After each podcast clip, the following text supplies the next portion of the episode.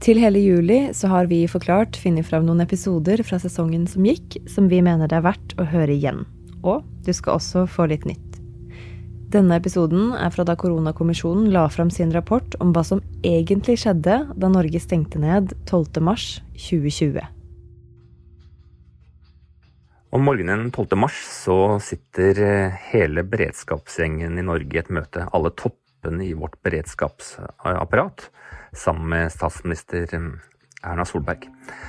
Helseminister eh, Høie kommer inn, og så sniker han en lapp over i hånda til Erna. Og der står det at eh, i dag så vil det bli trykket på den store røde knappen.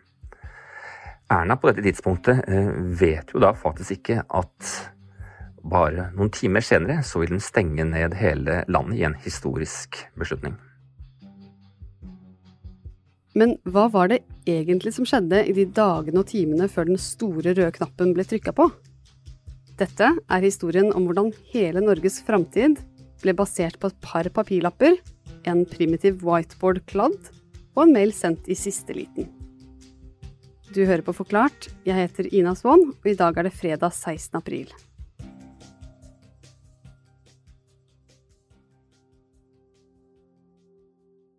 Vi husker jo alle de rystende bildene fra Kina. Eh, panikken og kaoset og fortvilelsen i Italia. You have to expect thousands of deaths if you do not stop the spread of the disease. Uh, it's extremely contagious. Og de daglige nye meldingene om at pandemien kom eh, nærmere og nærmere. Verdens eh, helseorganisasjon hadde jo allerede i slutten av januar sagt at vi sto overfor en eh, internasjonal folkehelsekrise. Og eh, stadig vekk eh, ble folk rett og slett mer og mer bekymret til hva som var i ferd med å skje. Per Anders Johansen, du er journalist her i Aftenposten. Og da koronaen spredte seg rundt om i verden i fjor, og WHO gikk ut og sa at dette var en global folkehelsekrise, hva var det Norge gjorde da? Det viktigste, og nesten det eneste som eh, regjeringen eh, gjorde, var jo at man bestemte seg for at man overførte ansvaret for å håndtere en krise til helsedirektøren. Han fikk vide fullmakter til å følge med videre, og i ukene som kom, så var det møter hvor man diskuterte eh, hva man skulle gjøre. Det ble laget de første risikoanalysene, og man prøvde, eh, man burde iallfall ha prøvd å forberede Norge på pandemien som kom. Så regjeringen ga altså fra seg ansvaret til Helsedirektoratet og helsedirektør Bjørn Gullvåg. Og det her gjorde de for det var det man skulle gjøre i en slik situasjon, ifølge smittevernlovgivningen. Altså å overføre ansvaret til Helsedirektoratet, som da fikk fullmakt til å stenge ned samfunnet og iverksette strenge tiltak for å hindre at et virus skulle spre seg. Men da koronaviruset i januar og februar i fjor spredte seg til verdens kriker og kroker, så forble Norge like åpent som før. FHI, som jo har en helt sentral rådgivende rolle med over 200 smitteverneksperter, de trodde at eh, pandemien ville bruke mye lengre tid på å komme til Norge. Eh, de var bekymret for hva som skulle skje til eh, sommeren og og, og, høsten, men de trodde at til påsketider ville maks 100 personer eh, i Norge være smittet. Samtidig så strømmet det daglig til med syke mennesker fra vinterferie i Østerrike, Italia. Nærmere bestemt 2000-3000 mennesker som eh, kom hjem, smittet sin familie, gikk på jobben og smittet kolleger. Og eh, samtidig så dukket det opp mer og mer eh, eksempler på at folk var redde og urolige. Facebook-grupper som ville ta barna hjem fra skole eller barnehage, og, og sterke krav om at eh, noe måtte gjøres. FHI-direktør Camilla Stoltenberg eh, sier selv at hennes eh, oppfatning av situasjonen forandret seg kraftig i løpet av de siste dagene før Norge ble stengt ned. Men eh, det som er et faktum, er at eh, dagen før dette skjedde, så var FHI på mange måter eh, spilt helt utover sidelinjen. Man ante ikke at dagen etter skulle svært dramatiske og historiske tiltak settes inn. Så 11. mars, altså én dag før hverdagen vi var så vant med ble snudd på hodet, så gikk alarmen hos Bjørn Gullvåg og gjengen. Om kvelden 11. mars, etter at både statsråder og helsedirektør og mange andre hadde forsikret om at man nå skulle bruke dager og uker på å forberede tiltak, så møtes eh, tre personer i Helsedepartementet. Det er helseminister Bent Høie, hans departementsråd eh, Bjørn Inge Larsen og helsedirektør eh, Bjørn Gullvåg.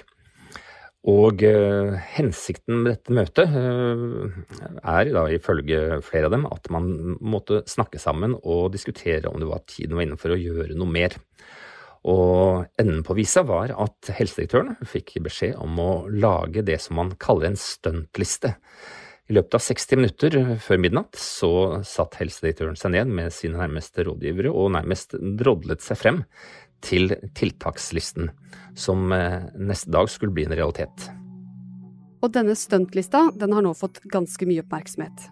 For se for deg at hele Norges framtid i løpet av én time skulle bli rabla ned på en whiteboard-tavle i grønn, rød og svart tusjskrift. Altså Det ser ut som noen har hatt en slags eh, workshop eller et lite sånn drodlemøte. Det står under tittelen Samfunnet, barnehage stenge, barneskole stenge, ungdomsskole stenge, videregående skole stenge. Og kulturarrangementer, idrettsarrangementer, trening. Restauranter, barer, utendørs idrettsaktiviteter, fritidsaktiviteter. Eh, alt skulle mm, stenges eller utredes stengt. Og hvis dette hørtes litt merkverdig ut, så er det kanskje enda mer merkverdig at denne stuntlista ikke finnes noe annet sted enn på dette whiteboardet. Og noen plan ble heller aldri skrevet ned eller dokumentert noe sted. I stedet så ble et bilde av tavla sendt den 12. mars til ekspertene i FHI, som da bare fikk 15 minutter på seg til å vurdere tiltakene. Men denne historien den skulle bli enda mer snodig. Om morgenen den 12. mars så er Erna Solberg på vei opp til Politisk kvarter, hvor statsministeren skal ha debatt med Ap-leder Jonas Gahr Støre. Da plopper det inn en mail til statsministeren fra hennes statssekretær ved statsministerens kontor, Lars Øie. I e-posten så skriver Øy at uh, i stedet for at man nå skal uh, forholde seg til det han betegner som stadig nye knepp fra FHI, og konstant masing fra opposisjonen og kommunene, så er det bedre at vi nå uh, sier at vi trykker på den store knappen. E-posten er interessant, for den viser jo at statsministerens kontor ikke vet på det tidspunktet at denne beslutningen faktisk allerede er tatt, og at Norge skal stenge ned. Ja, så altså morgen 12. mars så sitter Erna og har ingen anelse om hva hun om noen timer skal gjøre? Erna Solberg eh, vet at eh, noe må skje, for hun har jo selv bedt om at man må gjøre noe strengere. Men eh, tiltakene, at skoler skal stenges ned og de konkrete tingene, det kjenner hun ikke til. Og litt senere den dagen så samles troppene i et beredskapsmøte.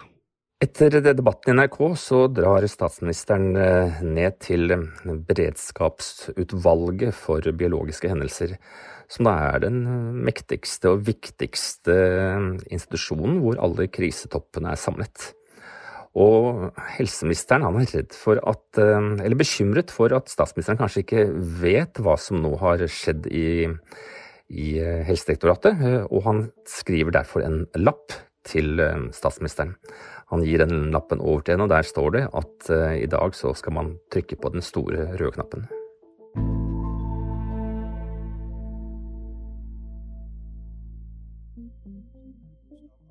Vedtak om stenging av barnehager, barneskoler, ungdomsskoler, kulturarrangementer, idrettsarrangementer og organisert idrettsaktivitet både innendørs og utendørs. Alle virksomheter i serveringsbransjen, treningssentre, kroppspleie, tatovering, piercing og lignende tilbud.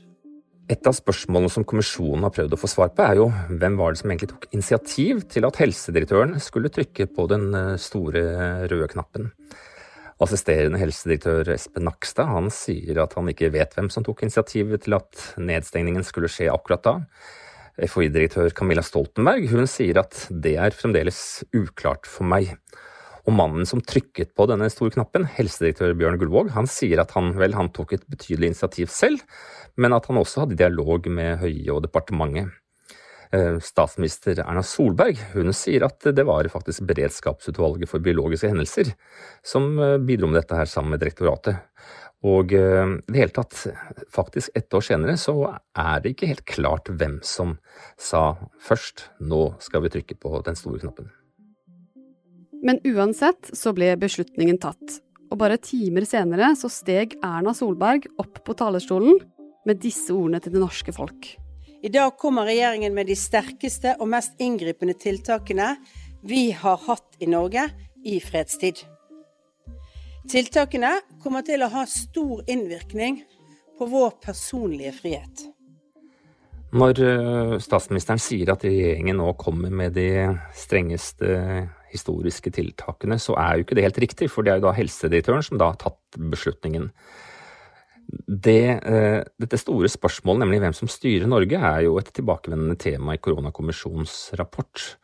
Og de peker på flere eksempler på hvordan eh, viktige avgjørelser burde vært tatt, etter deres mening, i regjeringen, i statsråd, og ikke eh, hos en embetsmann som helsedirektøren.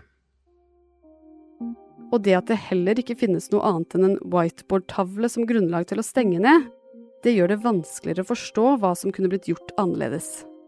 Koronakommisjonen har jo nå brukt eh, et år på å granske alt som skjedde da disse historiske avgjørelsene ble tatt. Ikke minst fordi det er viktig at vi lærer av hva som skjedde, eh, og fordi det kan komme nye kriser. Men det at de i denne enorme bunken av over 23 000 dokumenter ikke finner et eneste dokument, ikke en eneste liste, et eneste referat som viser hvilke tiltak som ble diskutert, eh, det er overraskende, og det har gjort det litt vanskeligere å, å granske. Det eneste vi har, er altså et eh, bilde tatt med en mobiltelefon av en tavle. Men hvorfor finnes det ikke noen dokumenter eller noe referat, da? Dokumentene finnes ikke fordi at eh, alt gikk så raskt. Man hadde ikke tid til å engang skrive ned tiltakene på et eh, papir. Og eh, grunnen til at det gikk så raskt, var at man overhodet ikke hadde forberedt seg på at det kunne bli nødvendig med så vidtgående dramatiske tiltak. Men én ting jeg lurer på, Per Anders, det er jo hvorfor vi ikke hadde noen plan for det her. Vi så jo alle bildene fra Kina og Italia og WHO som advarte om koronapandemien. Regjeringen og helsemyndighetene har jo sagt gjentatte ganger at man eh, hadde ikke tid til å forberede seg fordi at det hastet med å sette inn tiltak, og at eh, for hver time eller dag som gikk, så ja, kunne dette rett og slett koste liv. Akkurat denne forklaringen så kjøper ikke kommisjonen, for de mener man kunne tatt seg tid, eh, for første, hvis man hadde planlagt det litt bedre, og man kunne også den dagen ha tatt seg tid til at saken iallfall ble diskutert og behandlet og vedtatt av kongen i statsråd, slik alle viktige beslutninger skal fattes i henhold til Grunnloven. Mm.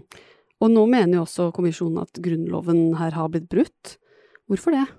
Kommisjonen viser til eh, Grunnlovens paragraf 28 som sier at uh, viktige avgjørelser skal tas i regjeringen. Og det er jo fordi at uh, dette er grunnsteinen i vårt demokrati.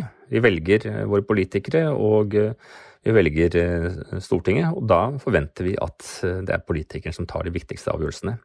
Dette er også viktig for at alle må stå samlet bak en avgjørelse. Og de sier helt klart at det er helt åpenbart, for å sitere kommisjonen selv, at denne avgjørelsen burde vært tatt av regjeringen i statsråd, og ikke av helsedirektør Gullvåg. Og så er det jo lett å spekulere på hva som kunne blitt gjort annerledes, om myndighetene hadde vært bedre forberedt. Vet vi noe om det? Koronakommisjonen er jo forsiktig når de skal gå inn og vurdere hva som kunne vært gjort annerledes. Og det sier jo egentlig rett ut at det var riktig å innføre strenge tiltak fordi at det var en akutt krise og man visste ikke hva som skjedde. Men dersom disse planene hadde vært bedre utredet, eh, slik kommisjonen etterlyser, så hadde man eh, visst mer om hvilke konsekvenser tiltakene ville fått. Og det som jo er interessant, eh, er jo at kommisjonen slår jo fast bl.a. at skoler og barnehager burde ikke vært stengt ned så lenge som de da faktisk ble. Og i dag er det jo en utbredt politisk enighet om at eh, man prøver å unngå å stenge ned barnehager og skolen, særlig for de minste, lengst mulig. Og det har vi nå sett også i hele andre bølge, bølge nummer to og nummer tre, at har, eh, man har endret helt sitt syn på det å stenge skoler for de minste. Samtidig så konkluderte jo kommisjonen med at håndteringen av pandemien har vært god. Hva er det de gjorde riktig? Kommisjonen peker jo på det vi for så vidt alle vet, eh, nemlig at i Norge så har vi hatt lite smitte i forhold til mange andre land. Det har vært veldig få som har blitt syke, og dødstallene er blant de laveste i verden. Og samtidig så viser jo de tallene fra økonomien at Norge har blitt eh, mindre berørt enn veldig mange andre land i verden, selv om vi har hatt strengere tiltak. Sånn at Norge eh, har kommet bedre ut enn mange andre, det er det ingen tvil om. Og det, det er jo, ja, det, det er vi vel sammen de fleste enige om. Har vi egentlig lært noe? Altså Kommer ting til å bli annerledes hvis en ny krise slår til? Det får vi jo håpe, og det er jo hele hensikten med koronakommisjonens nå lange murstein av en eh, rapport. Men da er det mye som må gjøres annerledes, både i regjeringen og i helsevesenet og i helsemyndighetene. Eh, man må være bedre forberedt, vi må ha mye bedre overvåkingssystemer. og vi må ha lagt planene som uh, sørger for at vi ikke går tomme for lagre, at vi ikke går tomme for smittevernutstyr, og at informasjon kommer frem.